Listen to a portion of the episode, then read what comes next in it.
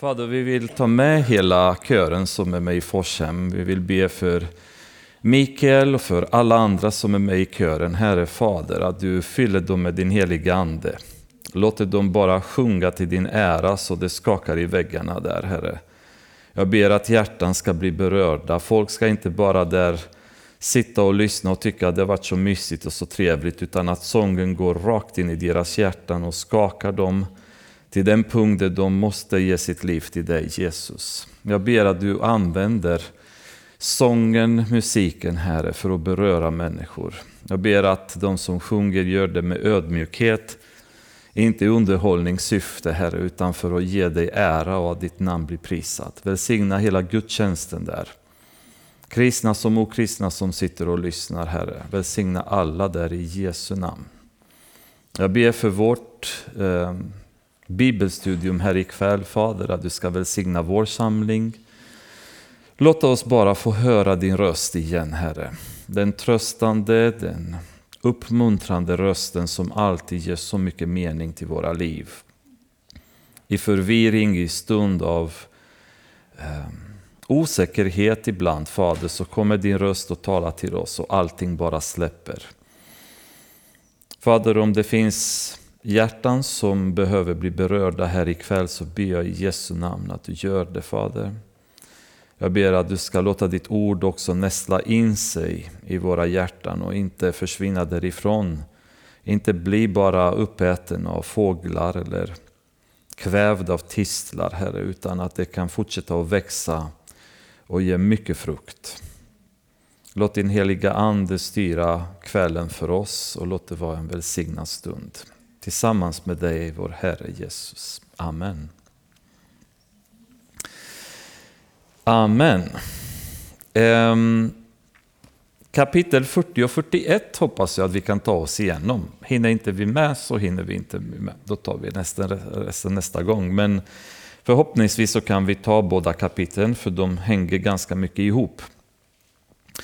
Um, Kapitel 40 eh, börjar efter att kapitel 39 slutade med att Josef hamnade i fängelset, eh, utslängd dit av Potifar på grund av att han skulle, eller han blev orättvist anklagad att han har förgripit sig för på, på fru Potifar kan man väl säga då. Och, eh, I det här läget då så kan man säga att Josef hamnar lite grann, det blir en berg och dalbana i hans liv. Så han hamnade i en väldigt kritisk situation när hans bröder sålde honom. Han hamnar i Egypten, i ett främmande land i en väldigt tidig ålder. Ehm, troligen så har han under några år tjänat Potifar då i hans hus. Vi vet inte exakt hur länge. Och där har han klättrat till den nivån, det var, han var andre mannen i huset. Han hade all makt att göra vad han ville, utom som han säger Eh, röra Potifars hustru. I övrigt så hade han auktoritet över allt i Potifars hus. Så han klättrade från en, en, en ganska hopplöst läge då till en, en väldigt behaglig position där det har gått bra för honom. Då. Och vi tittade lite grann på hur han levde och vad hans karaktär var under den perioden. Då. Men nu blir han utslängd från den positionen som han hade långt ner i botten på nytt då han hamnar i fängelset. Och här skulle jag dock vilja, eh, vi kommer se senare i kapiteln, kapitlet, så det är väldigt många som säger att eh, Josef hamnade i en, ett väldigt miserabelt fängelse. Eh, på den tiden i Egypten var väldigt många fängelser gamla kloaker som de förvandlade sen till fängelse. Och det var en ganska stor misär i de fängelserna. Men vi kommer se senare i kapitlet att så var inte fallet. Det, det tyder inte på att det var ett sådant fängelse Josef hamnade i, utan vi kommer se att han hamnade i något slags hus då, där han var fånge. Ehm, så för att avdramatisera lite grann, för en del predikanter har jag hört genom åren, de vill nästan lägga lite extra krut och säga att det har varit så bedrövligt och Josef var i en kloak och så vidare. Men Eh, det verkar inte riktigt stämma. Inte, det var bedrövligt nog, men, men vi behöver kanske inte överdriva vad Bibeln egentligen säger, bara för att få det att vara mer dramatiskt och mer spännande i berättelsen. Ehm, det finns sådana här frestelser, tyvärr hör man ibland när folk predikar eller har bibelstudier, att de låter sin fantasi springa lite före dem och föreställer sig saker som egentligen inte Bibeln ger grund för. Och det blir varenda gång vi gör sånt här så kan man hamna i olika fällor och säga saker som, som inte riktigt var menade i texten och då, bör, då gör man tolkningar som inte texten heller hade menat att vi gör. Då. Så att vi kommer se senare i kapitlet. Men han var i, en, i alla fall i en väldigt förtvivlad situation. Han var i ett fängelse eh, utan tvekan, kastas där. Och eh, man kan väl säga att, att um, när vi är lojala till Gud och när vi känner honom troget så bör vi inte vara överraskade om vi hamnar från behagliga och bekväma situationer utkastade i hårda prövningar. Faktum är att till och med Nya Testamentet, i flera, på flera ställen så påminns vi om att vi bör vara noga med att vi kommer att hamna i de situationerna, vara införstådda med att de situationerna kommer att komma förr eller senare. Och det är alltid en, en ansträngande situation, både för oss personligen men även som församling när vi hamnar i stora prövningar.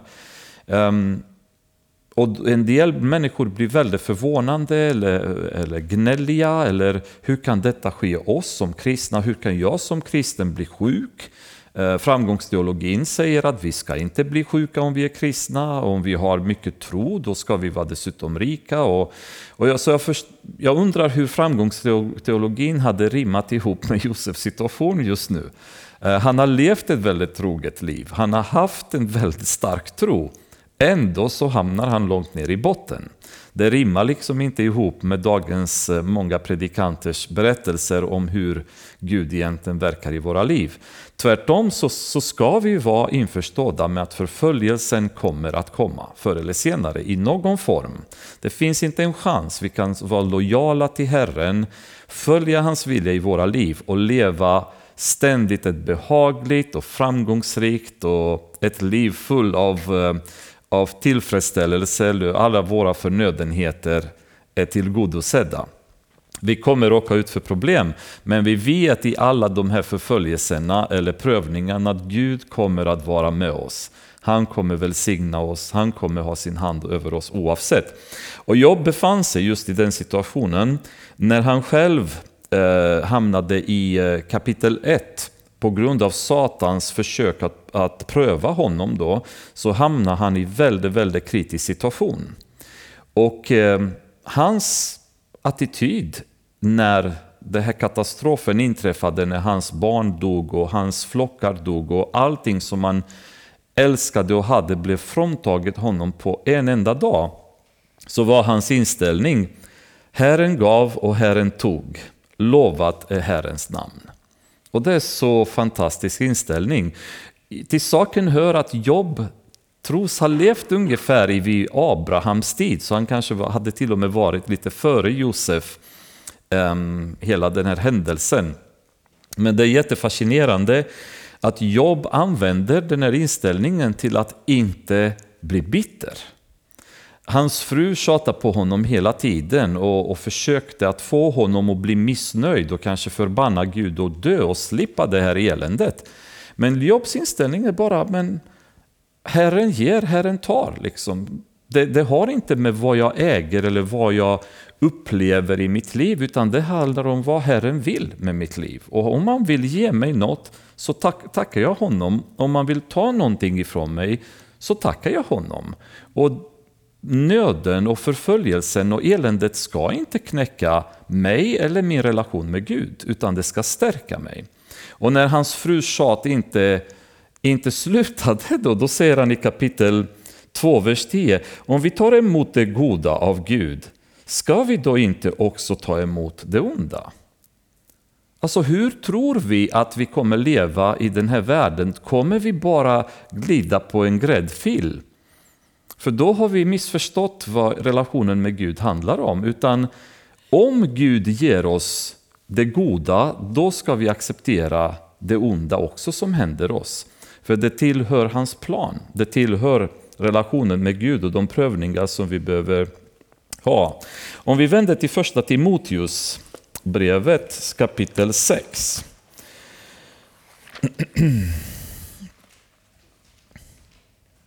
Vers, vers 6 och 7 säger Paulus, men Guds fruktan förenad med förnöjsamhet är verkligen en stor vinst. Vi har inte fört något med oss in i världen och inte heller kan vi ta med oss något härifrån. Att hitta förnöjsamhet i vår tillvaro avväpnar så många av djävulens attacker emot oss. Och de attackerna de finns i så många olika former, ekonomiska, maktposition, eh, berömmelse och så vidare. När han attackerar oss och försöker att få oss att tvivla på Gud, att bli missnöjda i vår relation med Gud, att gå emot Gud för att uppnå våra egna syften.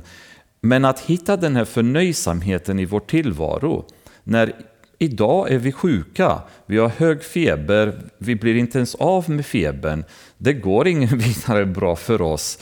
Men då har vi Guds eh, för, så att säga, försäkran att ingenting händer oss som inte kommer samverka till det bästa för de som älskar honom. Och han ger och han tar och mår hans namn bli lovat. Alltså vem kan knäcka en person som har den här inställningen? Där du blir slagen, där du blir eh, eh torterad som Paulus har varit många gånger. Du upplever att du blir bespottad, vänner vänder dig ryggen, familj vill inte prata med dig. Du har bekymmer överallt i din tillvaro på grund av din relation med Gud. Och din inställning är Herren har gett, Herren har tagit. Må hans namn bli välsignad jag är förnöjsam i min relation med Gud. Det är, ju, det är ju någonting som jag önskar att fler av oss skulle ha. För jag tycker ibland att det finns en väldigt mycket gnäll inom kristenhet. Väldigt mycket gnäll. Och jag har sagt det förut och jag säger det fortfarande. Och jag har fått en del kan man säga, synpunkter eller mothugg kring den här åsikten. Men jag har väldigt svårt att begripa hur kristna kan bli deprimerade. Jag får inte ihop det. Hur kan jag bli deprimerad som människa när min far är Gud? Vad är det som kan få mig att bli deprimerad? Vilken nöd är för stor så att jag ska bli deprimerad när min inställning är att Gud har gett, Gud har tagit, må hans namn bli lovad. Jag tackar honom för allt. Om Gud ger det goda, ska har inte jag tacka honom för det onda också? Det jag upplever det onda, för vi vet i slutändan att det behöver inte vara ont, utan det kan vara en prövning, det kan vara något som hjälper oss att växa. När jag är förnöjsam i min relation med Gud, vad är det som ska få mig att bli deprimerad? Men är det så kanske att någonstans i min relation med Gud har jag börjat svikta? Har jag börjat låta synd krypa i mitt liv?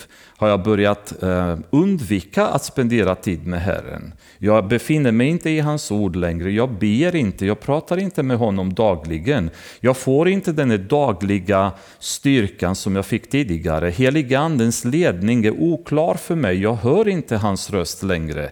Då förstår jag att när man hamnar i dödsskuggans dal och inte har någon kontakt med Gud, att man känner sig ångestfylld och deprimerad. Och speciellt när man har upplevt Gud tidigare, så måste det kännas oerhört tufft att inte höra honom längre. Man måste bli fullständigt desperat och, och känna att jag hör inte Herren tala till mig längre.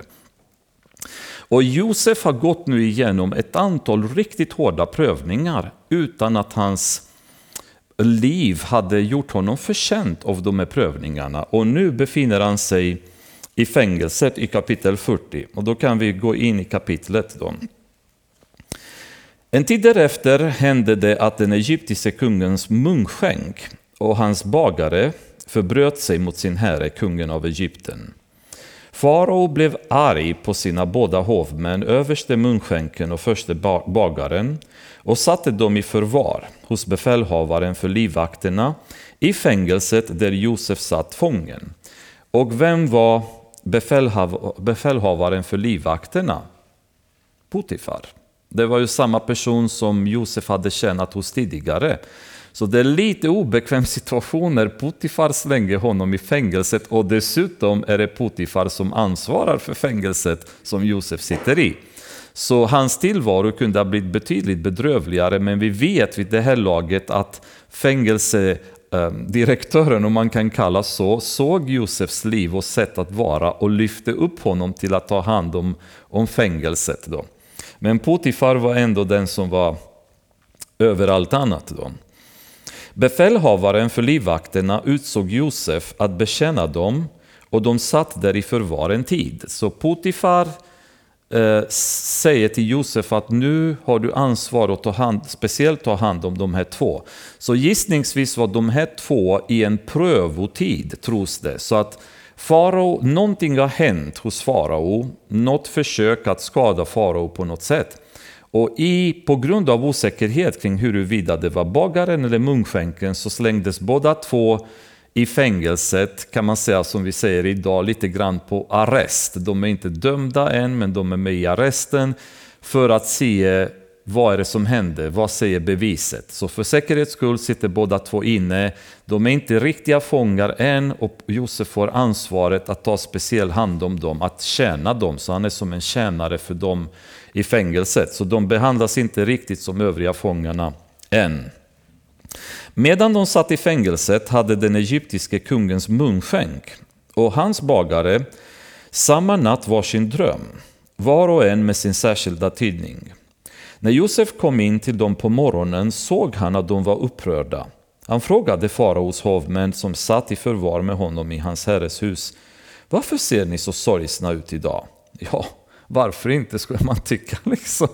Eh, men, men det är bara en sån här grej, han märker att de, de är lite extra ledsna idag och vill verkligen få reda på vad har ni för problem.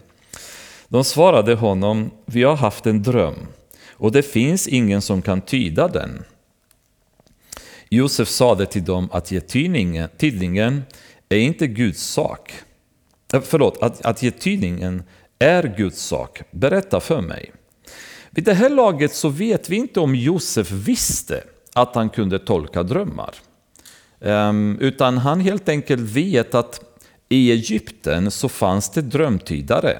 Så hade man en dröm då gick man alltid till drömtydarna som hade sina böcker och så började de liksom leta i böckerna, vad betyder det och vad betyder det? Och vi sätter dem och dem ihop och så får vi tolkningen på drömmen. Och de här människorna existerar även idag, um, i vår moderna tid. Drömtidade och horoskopfolk och tarotkort och alla sådana som har utvecklat ett system för att tolka så kallade övernaturliga upplevelser. Ehm, för mig är fortfarande bortom all förstånd att någon människa med vettig sunt förnuft skulle gå till sådana överhuvudtaget och be om hjälp att få sina drömmar tydda eller horoskopet läst eller läsa i, i, ehm, i handen vad olika linjerna betyder eller kaffesump eller allt sånt där. Det, är liksom, det går inte ihop, det, det förolämpar ens intelligens. Men uppenbarligen så finns de även idag och de, det är charlataner som tjänar pengar på människor som har sådana problem eller drömmar eller vad man kallar det. Men i Egypten så fanns det samma sak, drömtidarna som också hade sitt system. Och de här två är nu väldigt bekymrade eftersom de upplever som de här två drömmen, drömmarna var ganska så häftiga men det finns ingen drömtydare att gå till. Och Josefs inställning är väldigt härlig när han möter dem och så säger han bara men att ge tidningen, tidningen är Guds sak. Och då säger han berätta för mig. Så ungefär, jag, jag har en relation med Gud, berätta för mig, se vad som händer. Det var ganska härligt, han hade en enkel, som vi säger, barnatro. Alltså, Gud kan hjälpa, berätta för mig vad ni har drömt om.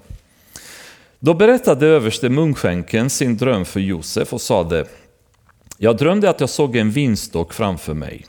På vinstocken fanns tre rankor och knappt hade den skjutit skott förrän blommorna slog ut och klasarna bar mogna druvor. Jag hade faraos bägare i handen och jag tog druvorna och pressade dem i faraos bägare. Sedan satte jag bägaren i faraos hand. Josef sade till honom här är tydningen. De tre rankornas, rankorna betyder tre dagar. Om tre dagar ska farao upphöja ditt huvud och ge dig din plats tillbaka. Du ska få ge farao bägaren i handen som förut när du var hans munskänk. Men tänk på mig när det går bra för dig. Visa barmhärtighet mot mig och påminn farao om mig och hjälp mig ut ur det här huset. Och här är också intressant, ut ur det här huset. Så de befann sig i ett hus, inte i en hålla eller en kloak. Ett hus som, um, som livvakternas befälhavare disponerade om. Då. Jag blev bortrövad från hebreernas land och här har jag heller inte gjort något som jag skulle bli satt i fängelse för. Det som är intressant det är att Josef pratar aldrig illa om de som har gjort honom illa. Han sa ingenting om Potifars frus försök att förgripa sig på, henne, på honom. Han försökte inte försvara sig genom att sätta henne i en, en, situation som hade varit ganska kass eller obekväm för henne. När han pratar med munskänken här så klandrar han inte hans bröder. Han säger inte att titta vad mina bröder gjort, titta vad Potifars fru gjort med mig, eh, titta vad Potifar har gjort med mig efter jag kännat honom i alla år och jag försökt att vara trogen och så vidare. Så kom ihåg mig när ni kommer till farao. Utan det enda han säger att jag är oskyldig dömd och jag befinner mig här genom en, en rad omständigheter som har gjort att jag hamnat här oskyldigt. Så kom ihåg mig när ni kommer till farao. Och det är en intressant, ett intressant sätt så att, säga, att, att ta det upp med dem utan att han klandrar någon annan.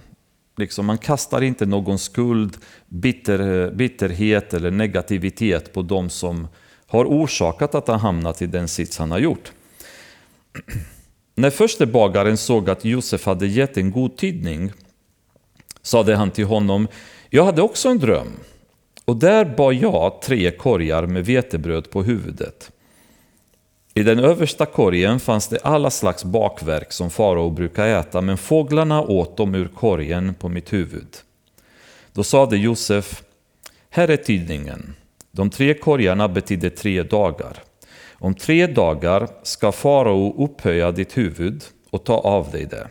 Han ska hänga upp dig på träd och fåglarna ska äta ditt kött. Tre dagar därefter var det faraos födelsedag och han höll en fest för alla sina tjänare. Då upphöjde han bland sina tjänare både överste munskänkens huvud och förste bagarens. Han lät överste munskänken få tillbaka sin tjänst och sätta bagaren i faraos hand igen, bägaren i faraos hand igen. Men förste bagaren lät han hänga, så som Josef hade uttytt för dem. Så Josefs utgivning besannas. Han, eh, han försöker inte dölja för bagaren vad som skulle hända. I det här läget så måste vi förstå att Josef var i, en, i ett underlägessituation. Han var en tjänare till munskänken och bagaren. Och kunde funnits i en situation där han, om han hade retat bagaren så kunde detta ha haft liksom en, en påverkan på hans framtid framöver. Men ändå bestämmer han ärligt att tala om för bagaren vad som skulle hända på samma sätt som han hade gjort med munskänken. Även om budskapet denna gång var betydligt tråkigare, det vill säga att du kommer dö om tre dagar. Det finns någonting i, eh, som de finlärda eh, bibelvetenskapsmännen, om man kan kalla så, de har ett ord på engelska som jag inte har en översättning till på svenska. Och det, det heter expositional constancy. Expositionell någonting. Jag vet inte hur man skulle kunna översätta det på svenska. Men det ordet är en fin, ett fint ord för vad det egentligen innebär att saker i Bibeln har en speci ett specifikt sätt att tolkas. Och det finns en, en, ett mönster i vilket bildspråk Gud använder sig av i Bibeln. Eh, till exempel att eh, vatten i Bibeln är oftast ett tecken på på mängder av människor, stora folkslag. Och det används under flera olika tillfällen i Bibeln då vattnet refereras till stora skaror eller stora massor av folk. Och så vidare. Så det finns olika bilder som används. Ni kommer ihåg att Jesus en gång sa att himmelriket kan liknas vid ett senapsträd. Så alltså ett litet, litet senapsfrö som växer sig och det blir ett, ett stort träd som fyller hela jorden. Och eh, himlens fåglar kommer komma och nästla i trädet. Jag skulle vilja utmana er lite grann med den här, därför att i många år så har jag tolkat den här som att det här senapskornet är församlingen som växer och blir större och större och intar hela världen. Och så många människor kommer finna tröst, glädje, frälsning och så vidare genom att komma till församlingen mer och mer då så har jag fått problem med den tolkningen på grund av just det här ordet som kallas expositional constancy. Det vill säga, vad innebär olika bilder genom Bibeln och hur används de? Och det finns ett problem lite grann med den, eh, eh, den berättelsen som Jesus ger, nämligen fåglarna, nämligen senapsträdet. För att eh, senaps, senapen är inte träd, utan den växer alltid till en buske. Men Jesus beskriver det som ett träd, det vill säga någon slags onaturlig tillväxt som inte är egentligen det senapen normalt sett växer som, utan senapen växer alltid som en buske och inte som ett träd. Och nummer två problemet, det är ju fåglarna som kommer in i trädet, därför att fåglarna associeras i Bibeln oftast med synd eller Satan på något sätt. Ni kommer ihåg i, eh, i såmannens berättelse, vem kommer och hämta sädet från marken eller picka bort sädet från, från marken? Det är fåglarna. Och Jesus tolkar sedan att på så vis så kommer Satan och plockar ordet ur hjärtat på människor. När Daniel möter Nebukadnessar och beskriver honom ehm, så säger han hur du har vuxit till alla himlens, alla himlens varelser kommer finna näste i trädet. Det är en negativ beskrivning av fåglarna, det vill säga all elände och synd och perversiteter och så vidare har nästlat in sig i det här trädet som är Babylon. Inget positivt som refereras till fåglarna där. I det här fallet, i Josefs tolkning av drömmen, det är samma sak. Fåglarna kommer och äter bakelserna som bagaren har, har, har bakat, vilket är en, ett bildspråk för att du kommer dö. Och det är bara en liten parentes, och jag skulle vilja säga, jag utmanar er att se om lite grann den här berättelsen om senapskornet. Eh, jag skulle inte säga till 100% att tolkningen är så, men mer och mer när jag tittat djupare i den berättelsen så får inte jag ihop med, med att senapsträdet är församlingen. Det matchar ingenting med varken bildspråket från Bibeln eller hur ett senapsträd eller senapsbuske är. Utan jag, jag upplever mer och mer idag att det Jesus säger att det kommer bli en onaturlig tillväxt av det här församlingsträdet som kommer göra att väldigt mycket ont, synd, eh, viloläror och så vidare kommer nästla sig in i den här onaturliga tillväxten.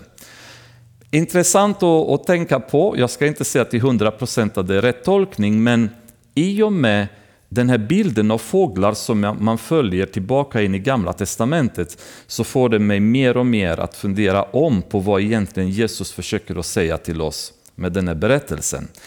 Um, inte minst, men jag tror att det var J. Vernon McGee som sa en gång att um, du måste ha varit vid tron i ungefär 30 år om du ska förstå Jesus bergspredikan.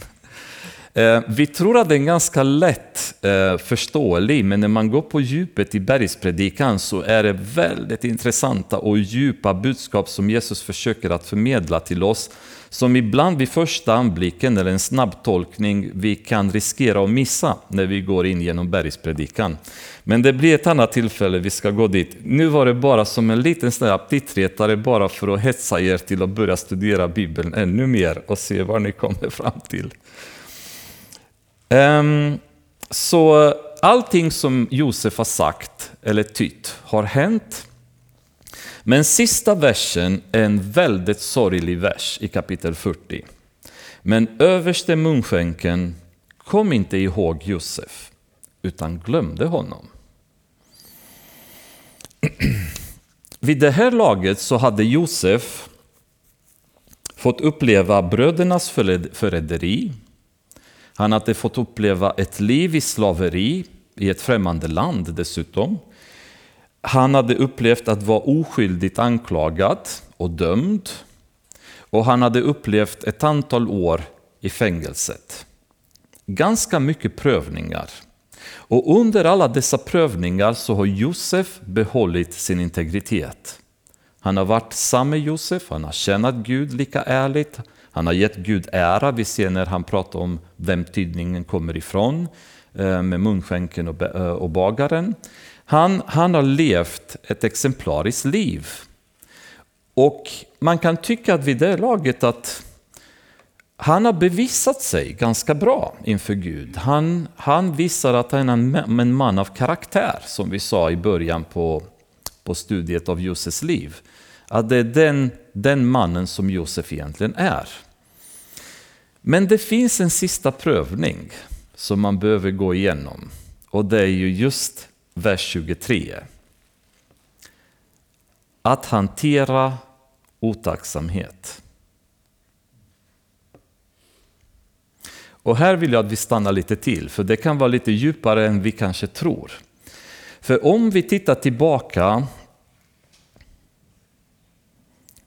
um,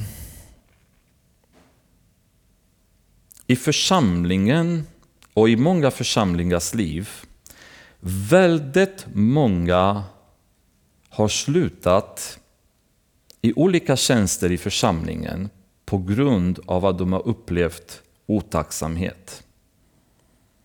Många pastorer som har fått sluta för att folk i församlingen har varit väldigt otacksamma. Lovsångsledare som har slutat genom åren på grund av att de inte har fått den uppskattning, den kred som de hade behövt få. Söndagsskoleledare, eh, serveringspersonal, städpersonal, olika funktioner. Eh, mycket, mycket folk genom åren, inte bara i vår församling, i många församlingar, som har upplevt en sån torka när det gäller människornas uppskattning och tacksamhet. Så de har inte orkat fortsätta och gett upp längs med vägen. Men är det rätt att ge upp? Från en församlingsperspektiv, eller från mitt perspektiv, så är det faktiskt så att jag måste tänka mig på att vara uppskattande. Att, att vara en person som kan uppmuntra andra. För vi behöver uppmuntran, vi behöver beröm, vi behöver en klapp på axeln ibland för att resa oss. Men när vi inte får det, är det meningen att vi ska ge upp? Vem känner vi? Är det Jesus vi känner? Eller är det oss själva vi känner? Så en, en pastor, en ledare i församlingen, en äldste, en söndagsskoleledare, en städpersonal, en gängovan eh, volontär som slutar för att man inte får tillräckligt med uppskattning och upplever att folk säger inte ens tack. Eller ett folk som man har gjort mycket gott för vänder ens ryggen eller pratar illa om en. Vilket är ett oacceptabelt beteende förstås. Men att ge upp och bli bitter på grund av det är inget acceptabelt beteende för någon som Gud vill nyttja framöver för stora verk. Josef hade en sista prövning att gå igenom och det var Kommer han att bli bitter? I två år till kommer han ligga kvar i fängelset.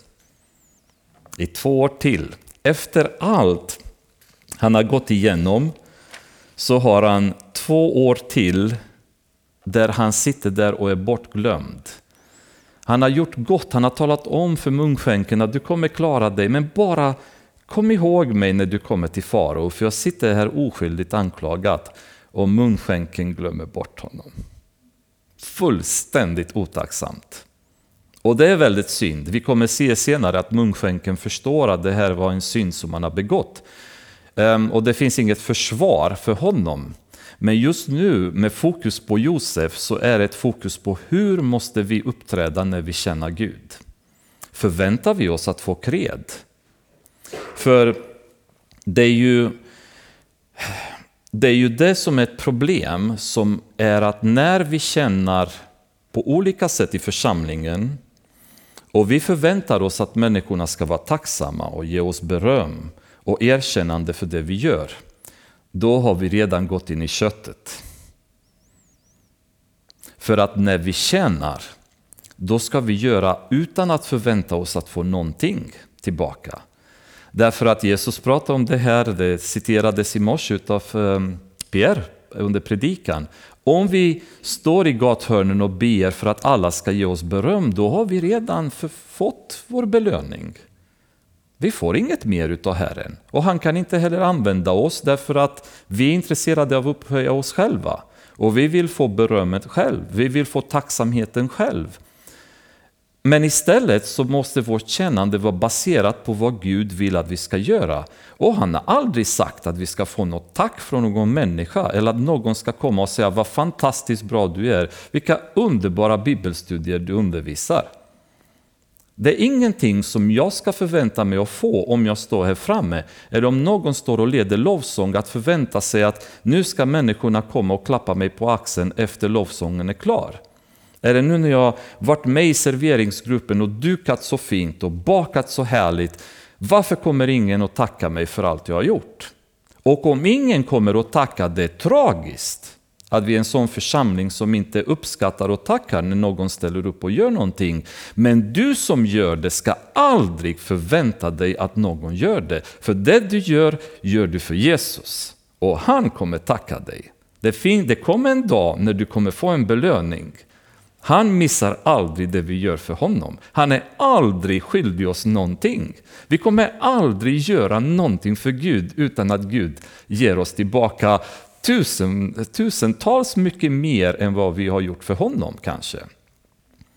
Men att gå och förvänta oss att få kred för det vi gör, det är ett felaktigt kötsligt beteende som en ledare eller en som Gud vill verka genom eller göra någonting med inte får, får leva som eller inte förvänta sig som. Den person som Gud kommer att ha väldigt svårt att kunna använda. För att vi kommer vilja ta oss äran, vi kommer vilja ta Jesus plats i församlingen, vi kommer vilja synas, vi kommer vilja höras, våra åsikter ska vara de som präglar, etc. Och det är väldigt tragiskt tycker jag, att det har ruinerat många, det har skapat väldigt mycket bitterhet i församlingar. Alltså ofantligt mycket bitterhet som finns i så många än idag. Efter åratal tillbaka, att någon har sagt någonting och inte uppskattat vad de har gjort, så har de slutat och de grämer sig fortfarande än idag att det var så hemskt att ingen såg vad jag hade gjort, ingen brydde sig. Det är tragiskt och det, det, är en sån röta som äter församlingarna inifrån därför att människorna permanent förväntar sig att få kred för det de gör. Och när de inte får det så blir de bittra. Och den här bitterheten sen äter de inifrån och äter hela församlingen. Det är många som har slutat i församlingar på grund av det. Återigen väldigt många ledare, pastorer, lovsångsledare, alltså i mängder genom åren som har slutat och många har lämnat till och med församlingar därför att de har upplevt att församlingen inte har uppskattat dem tillräckligt mycket. Och det är ett kötsligt beteende och det är ingenting som vi ser hos Josef. Vi kommer se hans attityd framöver och en sak vi kan säga tydligt, bitterhet finns inte i hans liv. Men det här var sista prövningen. Gud var tvungen och pröva Josef och se, kommer han att bli bitter under de här två åren? Hur hanterar han den här stunden? Vad lär han sig under de här sista två åren som han kommer sitta kvar i fängelset? där han kanske varje dag gick med hopp om att någon gång så knackade på dörren och så blir jag befriad härifrån. Munskänken kommer uppenbarligen säga till farao vad som har hänt mig och han kommer ta mig härifrån. Och dag efter dag, dag efter dag så händer ingenting. En, ett väldigt bra sätt så, som jag skulle kunna säga är att tänka på att när vi gör saker för Herren så ska vi inte ha förväntningar. Vi ska inte förvänta oss att vi ska se särskilda resultat. Vi ska inte förvänta oss att någon ska se vad vi gör. Vi ska inte förvänta oss att få tack för det vi gör. Vi ska inte förvänta oss att ehm, någon berömmer oss för det vi gör eller att någon ger oss en högre position därför att vi har varit så lojala på en lägre position och tjänat så bra. Vi ska inte ha några som helst förväntningar. Utan allting vi gör så gör vi därför att Herren har sagt att vi ska göra det. Jeremia-style om man säger så. Vi ska vara beredda att i 40 år känna Herren och bli slagna och bli bespottade och inte se ett enda resultat och inte se en enda människa som lyssnar på vad vi säger och inte se en enda människa som kommer till tro och inte se en enda människa mer som kommer till församlingen på grund av våra predika eller vårt bibelstudium, vår musik eller kakor vi bakar eller evangelium vi predikar där ute på gatan. Oavsett vad som händer så ska vi glatt som, som sången säger, Lina Sandells, villigt och glatt känna Herren. Åh, vad få sådana människor som finns idag.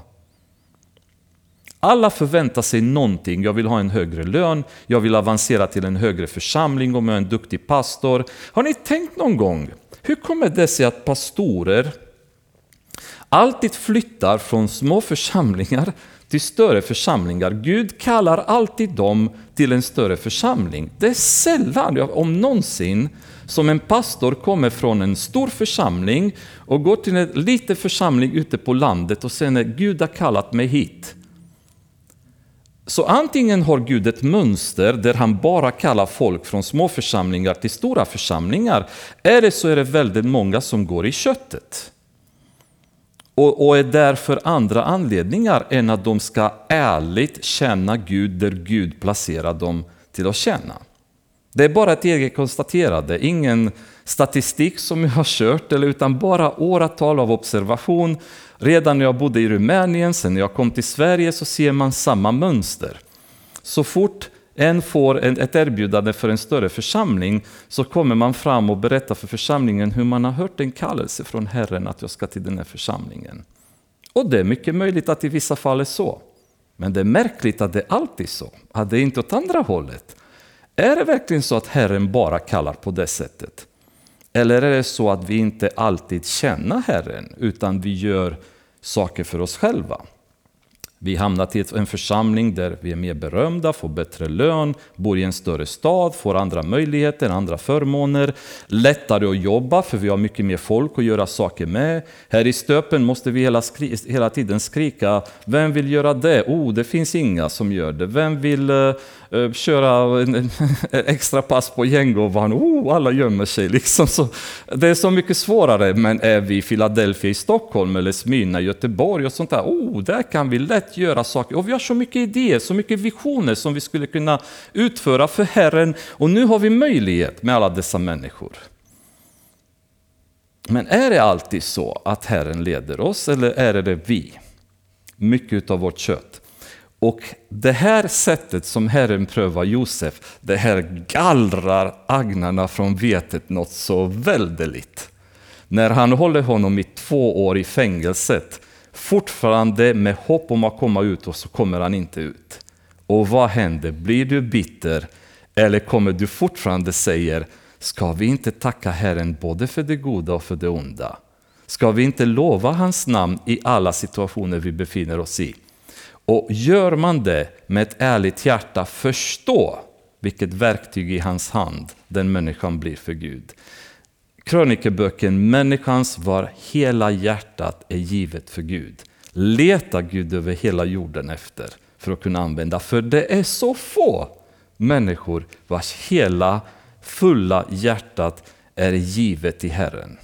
Det finns alltid ett litet hörn som vi har reserverat i oss själva. Det finns alltid ett litet hörn av bitterhet och irritation och olösta problem och synder som vi har gömt där.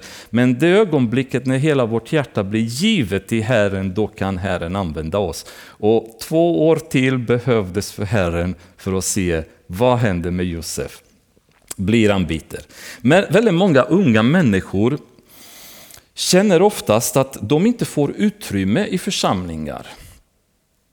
De har så mycket som de vill ge. De har så mycket idéer om saker som ska göras.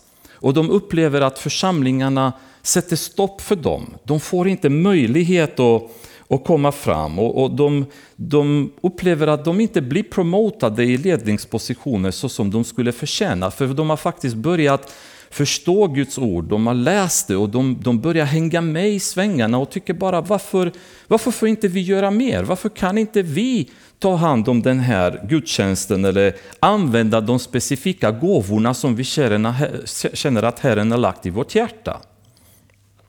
De blir liksom otåliga och, och tycker oftast att deras församling är ganska så bakåtsträvande och gammalmodig.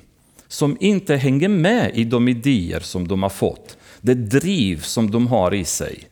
Och de upplever att det finns hela tiden hinder och stopp. Och varför kan inte vi göra lite mer? Varför kan inte vi förändra de här grejerna så som vi känner att Herren leder oss? Det skulle kunna hända så mycket om vi gör saker på vårt sätt. Mose tänkte det också. Han tog det i sina händer för att lösa den situationen när han misshandlade den här egyptien till döds. Men Herren var inte färdig med honom. Han behövde 40 år till i öknen innan Herren var färdig med honom för det uppdraget som han, han var tänkt för. Men Mose, han trodde att det var dags. Nu kan jag ta tag i saker och göra det. Och full av energi och kanske entusiasm för att hjälpa judarna så dödar han den egyptien. Men det var inte Gud med i. Han behövde 40 år till av förberedelse. Paulus som var fullständigt bibelsprängd efter han kommer till tro, han går inte ens till Jerusalem för att möta lärjungarna. Vad gör, vad gör han? Han drar i tre år i ensamhet i Arabien för att lära känna Herren på djupet där. Förstå, när han behöver ta hela den här bibelkunskapen nu och sätta sig i bön och börja sätta sakerna ihop och förstå hur pratar Gamla Testamentet om Jesus, hur allting jag trott var fel, hur hänger det ihop? Och han tar den tiden av förberedelse, en lång period, innan han går in i arbetet därefter. Idag, det kommer en person till tro som har spelat gitarr ute i världen och, och två veckor senare så sätter vi dem upp på lovsångsteamet för att spela och leda församlingen i lovsång. Och de är bebisar, de vet ingenting om Gud. Det finns massa laster i deras liv som de behöver, behöver göra sig av med. Vi förstör dem genom att kasta dem i ett uppdrag när de är oförberedda för det uppdraget de ska ha. De måste växa i tron, de måste gå igenom prövningar. Och faktum är att det finns något som heter erfarenhet som blir inte alltid ersatt av kunskap. Vi kan kunna saker, men vi behöver uppleva vissa saker i våra liv innan vi är färdiga med att användas av Gud. Och det är väldigt viktigt att Guds timing blir vår timing så vi inte rusar eh, bara iväg efter vår, vårt sätt att hantera saker. David han blev utsedd till kung i en tidig ålder, men i, i ungefär 14, vissa säger 17, vissa säger 14, men ungefär säg 14 år har han varit på flykt undan Saul och inte en enda gång uttrycker han bitterhet i hans liv. Och han hade all anledning att vara bitter. Men han uttrycker inte det, tvärtom. Han liksom inser situationen, respekterar Saul, eh, är väldigt noga med att han inte ska gå emot honom någon gång. Och lever ett liv utan bitterhet trots att han var så orättvist behandlad under hela den här perioden. Så det är ett fantastiskt exempel som, vi, som lär oss väldigt mycket. Jesus själv upplevde ensamhet när alla nästan som var honom kära övergav honom. Han var bara på korset och det stod Johannes och hans mamma där, Maria. Sen var det inget mer. Alla andra hade försvunnit. Och det var Jesus och vad han hade gjort med dem. Paulus själv, när han var i, eh, i Jerusalem och tillfångatogs av översteprästerna, så stod han ensam där. Det är ingen som var med honom. Och senare säger han till Timoteus att när han stod inför kejsaren så var jag ensam. Att hantera otacksamhet och att hantera besvikelser är avgörande för en som ska kunna användas av Gud i, ett evangelistiskt arbete av något slag. Vi måste kunna prövas av Herren innan vi kommer till de positionerna, annars kommer vi misslyckas. Och bitterhet kryper in och när saker och ting går emot oss, då ger vi upp. Då orkar vi inte fortsätta, för vårt kött får inte sin näring längre. Men om vi går in i det andligt, då är vi inte intresserade av kötsliga beröm och klapp på axlar och, och alla dessa världsresultat, utan vi bara är fokuserade på att vår Herre, vår älskade frälsare ska vara nöjd med det vi gör. Det är det viktigaste. När jag sitter med honom på kvällen, när jag är i bön och pratar med min Herre, då ska jag känna att han talar om för mig, bra gjort, fortsätt så här. Då är det tillräckligt för oss att kunna fortsätta. Och det är avgörande. och eh, de här människorna som vi citerade, de lät aldrig bitterheten komma in i deras hjärtan. Utan de hanterade alla de här situationerna på ett fantastiskt sätt. Ehm, och jag skulle vilja dra det ännu längre och säga Bli glada när ni inte får kred för det ni gör. Bli väldigt glada. För många andra före oss som har levt ett gudfruktigt liv inte har fått cred för vad de har gjort. Faktum är att det, jag skulle nästan säga, ju mer vi lever så, det kommer bli nästan som en slags masochistiskt behag i våra liv när vi ser att andra förföljer oss. Det kommer bli bara, åh vad skönt, det kommer bli som lärjungarna i Apostlagärningarna när de första gången upplevde förföljelsen och de prisade Gud och tackade att de äntligen fick uppleva det som Herren Jesus har upplevt. De var glada, de firade att ja, det betyder att vi gör saker rätt. Vi är lojala till Herren, vi följer hans vilja för vi ser en sån aggressiv förföljelse mot oss och de var bara wow liksom. Nästan, man känner bara, men snälla, det här är masochism. Liksom. Du kan inte vara glad att du åker på stryk eller att du blir plågad. Men de förstod att det var en helt annan dimension. Det var inte att de var glada över smärta och sår och elände, utan de var glada att det var ett bevis för att deras liv stod rätt till med Herren. När världen som hatar Gud plötsligt hatar dem. Som Jesus hade sagt, de har hatat er mästare, de kommer hata er också.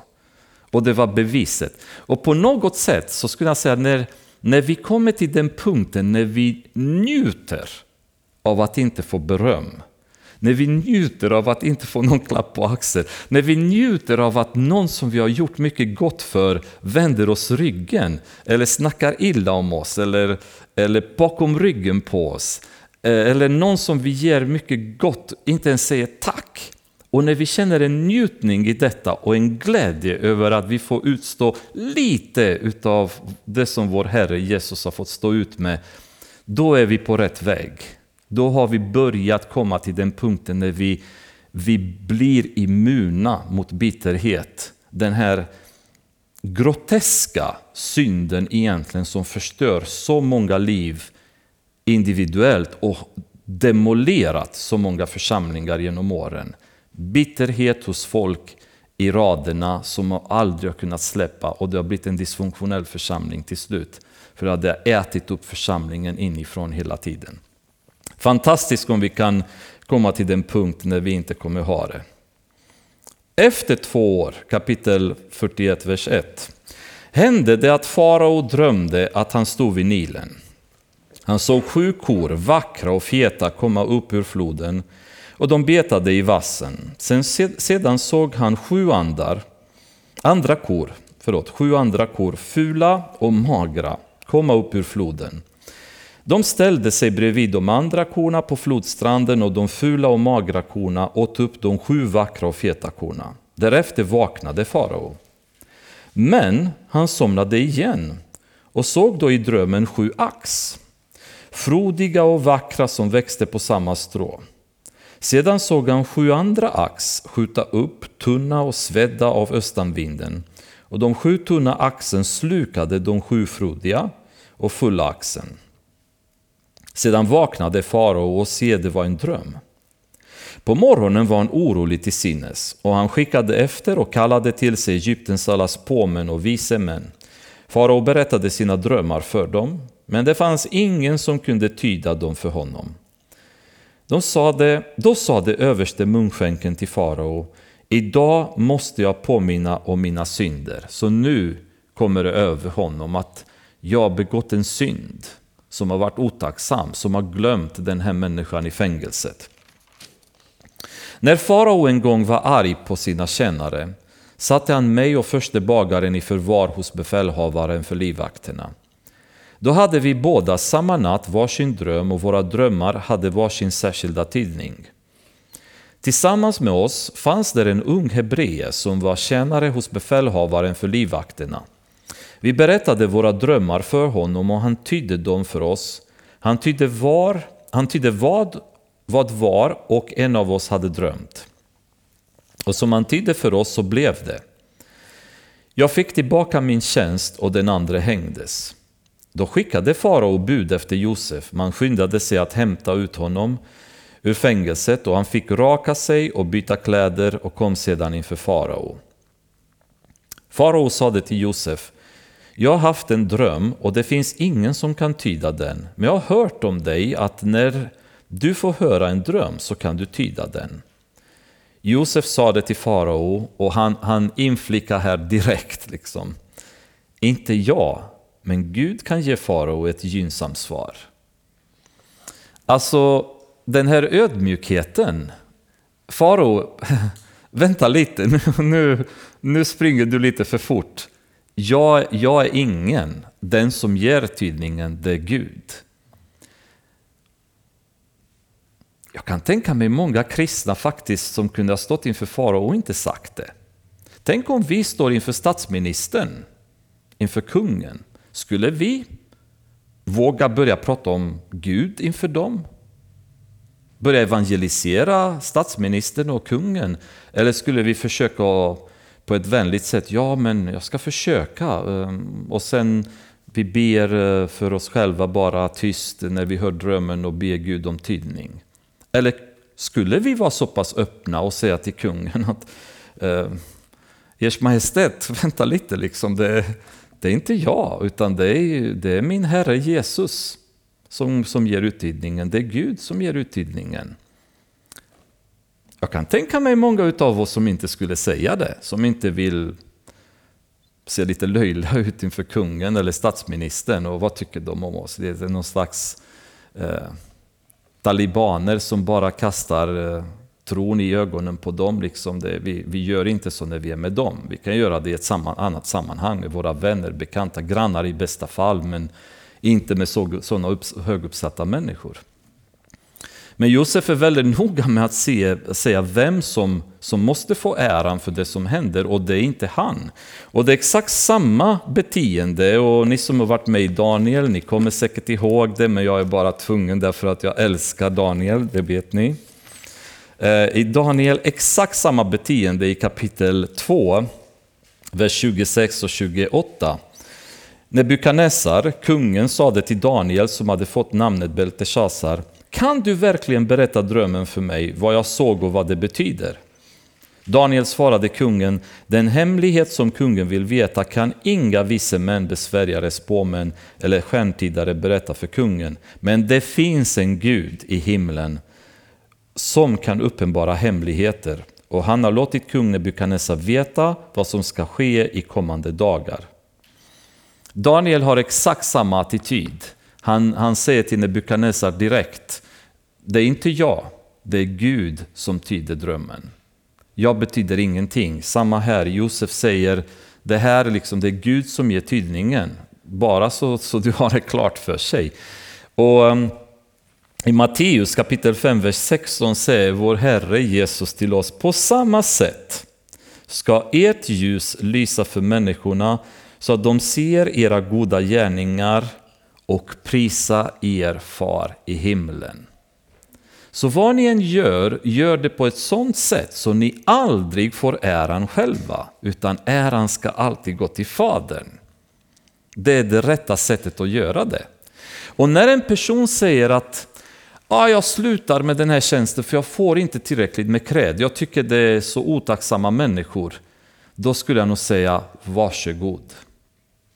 För en person som har en tjänst och förväntar sig att själv få berömmen, då är det inte vår far i himlen som blir prisad, utan då är det den personen som blir prisad.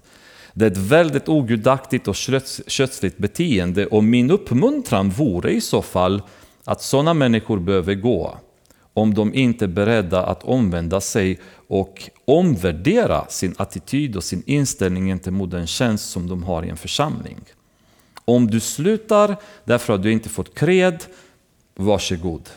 För då gör du ändå det du gör i köttet och det behövs inte. Då får inte Gud ära och får inte vår Herre Jesus ära, där till och med helige Andens uppgift är att alltid peka mot vår Herre Jesus. Så hur vågar vi i vår tjänst, i det vi gör, att peka någon gång mot oss själva?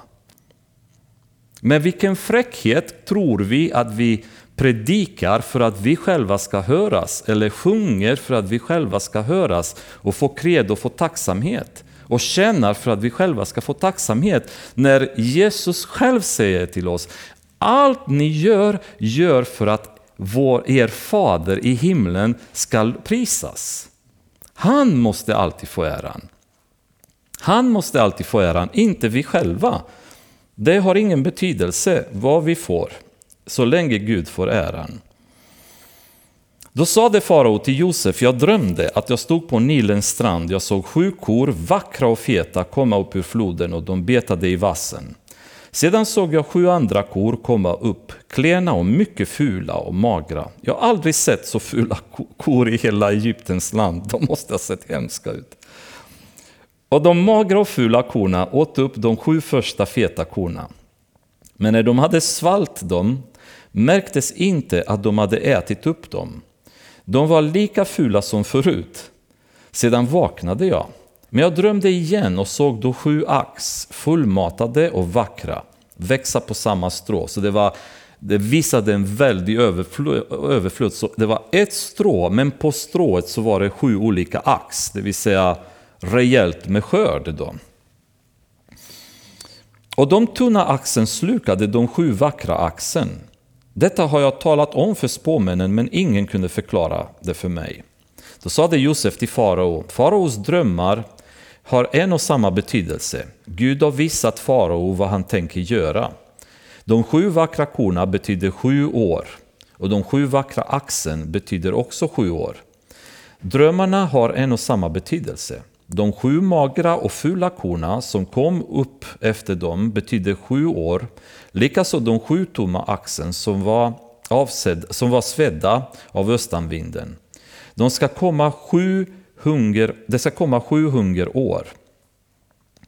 Det var det jag menade när jag sade till farao, Gud har låtit farao veta vad han tänker göra. Sju år ska komma med stort överflöd över hela Egyptens land. Men efter dem ska det komma sju hungerår, så att man glömmer allt det överflöd som var i Egypten och svälten ska ödelägga landet. Man ska inte minnas överflödet som var i landet på grund av den svält som sedan kommer, för den ska bli mycket svår. Och att farao har haft drömmen två gånger betyder, det, betyder att det är fast bestämt av Gud att han låter det komma snart. Därför bör farao utse en förståndig och vis man och sätta honom över Egyptens land. Farao bör också sätta förvaltare över landet och ta upp en femtedel av skörden i Egypten under de sju um, överflödsåren. Under de kommande goda åren ska de samla in allt ätbart och lagra och förvara säd under faraos tillsyn i städerna. Det ska finnas förråd av livsmedel för landet under de sju hungerår som ska drabba Egypten. Då behöver inte landet gå under genom svälten. Så Josef inte bara tyder drömmen för farao, men han är så vis och så ledd av Gud så han kan i detalj säga till farao vad du behöver göra. Alltså bara det är en femtedel, hur räknar han? Våra ekonomer idag är inte kapabla att räkna räntor och hur de ska sänka det ena efter det andra för att ekonomin ska gå ihop. Och Josef där, en pojke som har liksom varit igång och hjälpt sina bröder och skött ett hus, suttit i fängelse ett antal år, kommer och designar för faraon hela planen planekonomiska systemet för att han ska rädda landet under sju år av svält. Och det är fantastiskt att se vad Gud kan göra genom en människa som tillhör honom och vilken visshet man kan få från Gud i situationer när vi behöver det. Som det står i Nya Testamentet under förföljelsen, ni befinner er i situationer där det är tufft, ni är förföljda. Ni behöver inte oroa er vad ni kommer säga, utan heliga anden kommer lägga orden i er mun. Och det här är ett sånt här tillfälle då Josef står där, han tolkar drömmen och så bara oh, så rabblar han upp hela ekonomiska planen för hur de ska rädda Egypten. Det där var inte med i drömmen. Det där var en vishet som han fick av Herren och han delade ut det med farao. Detta tilltalade farao, det tror jag säkert att det gjorde. Liksom. Och alla hans tjänare, och det är intressant att även tjänarna blev tilltalade. Man kan tänka sig att de kunde blivit avundsjuka och vem tror han att han är och så vidare. Men det måste ha varit så häftigt så alla bara wow, det här är smart, låt oss anställa honom ungefär. Liksom. Och han sa det till dem, finns det någon som har Guds ande som denna man? Och farao sa det till Josef, eftersom Gud har uppenbarat allt detta för dig så finns det ingen som är så förståndig och viss som du. Du ska styra över mitt hus och allt mitt folk ska rätta sig efter dina befallningar. Bara när det gäller tronen ska jag vara högre än du. Och farao sade till Josef, se jag sätter dig över hela Egyptens land. Och farao tog av ringen från sin hand och satte den på Josefs hand. Det var maktpositionen. Nu kunde Josef signera allting med faraos auktoritet. Och han klädde honom i kläder av fint line och hängde en kedja av guld runt hans hals. Han lät honom åka i vagnen närmast efter sin egen och man ropade abrek, vilket betyder knäböj, framför honom. Så satte farao honom över hela Egyptens land. Med andra ord, för att vara en nobody, en fånge, en hebree, en främling, så blir han över en natt när Gud var färdig med hans träning, när han hade varit beredd, när han var färdig med att lära sig det han har behövt lära sig, så upphöjer Gud honom på en dag från noll till att vara statsminister i Egypten. Han är den första. Det kommer sen en till som heter Daniel som blir statsminister i Babylon och som ni kommer ihåg hade samma beteende, samma attityd som Josef. Och sen kommer en tredje som heter Mordecai som blir statsminister i Persien på grund av samma anledning, lojalitet och tro med Gud. Alla tre som lyftes från noll till toppen på grund av sin lojalitet och sitt, sitt sätt att leva inför, inför Herren. Ganska spännande, men Josef är den första som hamnar i den positionen. Sedan sade farao till Josef, jag är farao, utan din vilja ska ingen i Egyptens land lyfta en hand eller fot. Han hade absolut makt kan man väl säga i Egypten helt plötsligt. Farao gav Josef namnet Safenat Panea och gav honom till hustru Asenat, dotter till Potifera, prästen i On. Nej, prästen i On, det var prästen som um, tjänade så att säga fejkkungen Ra, alltså solguden som egyptierna eh, tillbad. Så han var liksom överste prästen i Egypten, så han fick också dessutom en ganska stor ära att få hans dotter till fru. Sedan reste Josef omkring i Egyptens land.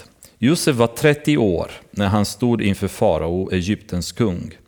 Han lämnade farao och reste omkring i hela Egypten. Under de sju goda åren gav landet skörd i överflöd under dessa sju år samlade Josef in allt ätbart och lagrade det i städerna. I varje stad lagrade han den föda som kom från fälten runt omkring. På så sätt samlade Josef så mycket säd som det finns sand i havet. Till sist slutade han att hålla räkning på den, för den kunde inte räknas. Innan hungeråren kom föddes två söner åt Josef. Det föddes av Asenat, dotter till Potifera, prästen i On. Josef gav den förste födde namnet Manasse, för sade han, Gud har låtit mig glömma all min olycka och hela min fars hus. Den andra gav han namnet Efraim, för sade han, Gud har gjort mig fruktsam i mitt lidandes land. Men de sju överflödsåren i Egypten tog slut. Så började de sju hungeråren som Josef hade förutsagt. Det blev svält i alla länder, men i Egypten fanns det bröd överallt. Och när hela Egyptens land började hungra och folket ropade till farao efter bröd sade han till alla egyptierna, gå till Josef och gör som han säger. När svälten hade brett ut sig över hela landet öppnade Josef alla förrådshus och sålde säd till egyptierna. Men svälten blev allt svårare i Egypten. Och man kom från hela världen till Josef i Egypten för att köpa säd, för svälten var svår i hela världen. Spännande! En mycket, mycket spännande berättelse av en man nu som vi har följt sedan han var ett litet barn tills han kommer till kulmen i hans karriär då, då han blir statsminister i det största och viktigaste landet under det området på den tiden. Då.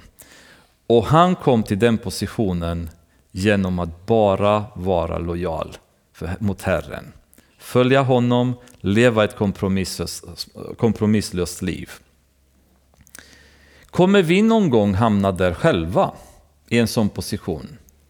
Om vi eftersträvar det kommer vi förmodligen inte hamna där någon gång. Men om vi eftersträvar att göra Herrens vilja, vem vet vad var och en av oss kommer hamna framöver och vilken plan Gud kommer ha för våra liv. Fader, vi tackar dig för dessa exempel som du har lagt framför oss från ditt ord. Fader, jag ber att du ska förlåta oss för alla de gånger då vi har tagit oss äran, då vi har låtit oss själva briljera inför andra människor för att bli sedda, berömda, uppskattade, tackade. Fader, vi vet inte hur mycket vi kunde ha utfört för dig, vad vi kunde ha gjort för ditt rike om vi hade levt våra liv så som Josef har gjort. Men Fader, låt den här kvällen vara en vändpunkt för de av oss som behöver förändra den attityden i våra liv. En vändpunkt där vi förstår vikten av att i allt, Herre, följa din vilja. Aldrig söka berömmelse, aldrig söka uppskattning från människor, utan ha våra ögon fixerade på fulländaren av vår tro för vår frälsare, Herre, som alltid bryr sig om oss. Fader, jag ber att du ska vägleda var och en av oss rätt. Och låt vår relation med dig ske i ödmjukhet. Oftast där ingen kan se oss, Herre. Så att vi kan närma, närma oss dig och förstå din vilja för våra liv, Fader. Josef hade inte Daniels exempel. Han hade inte läst Romarbrevet 8.28, Herre.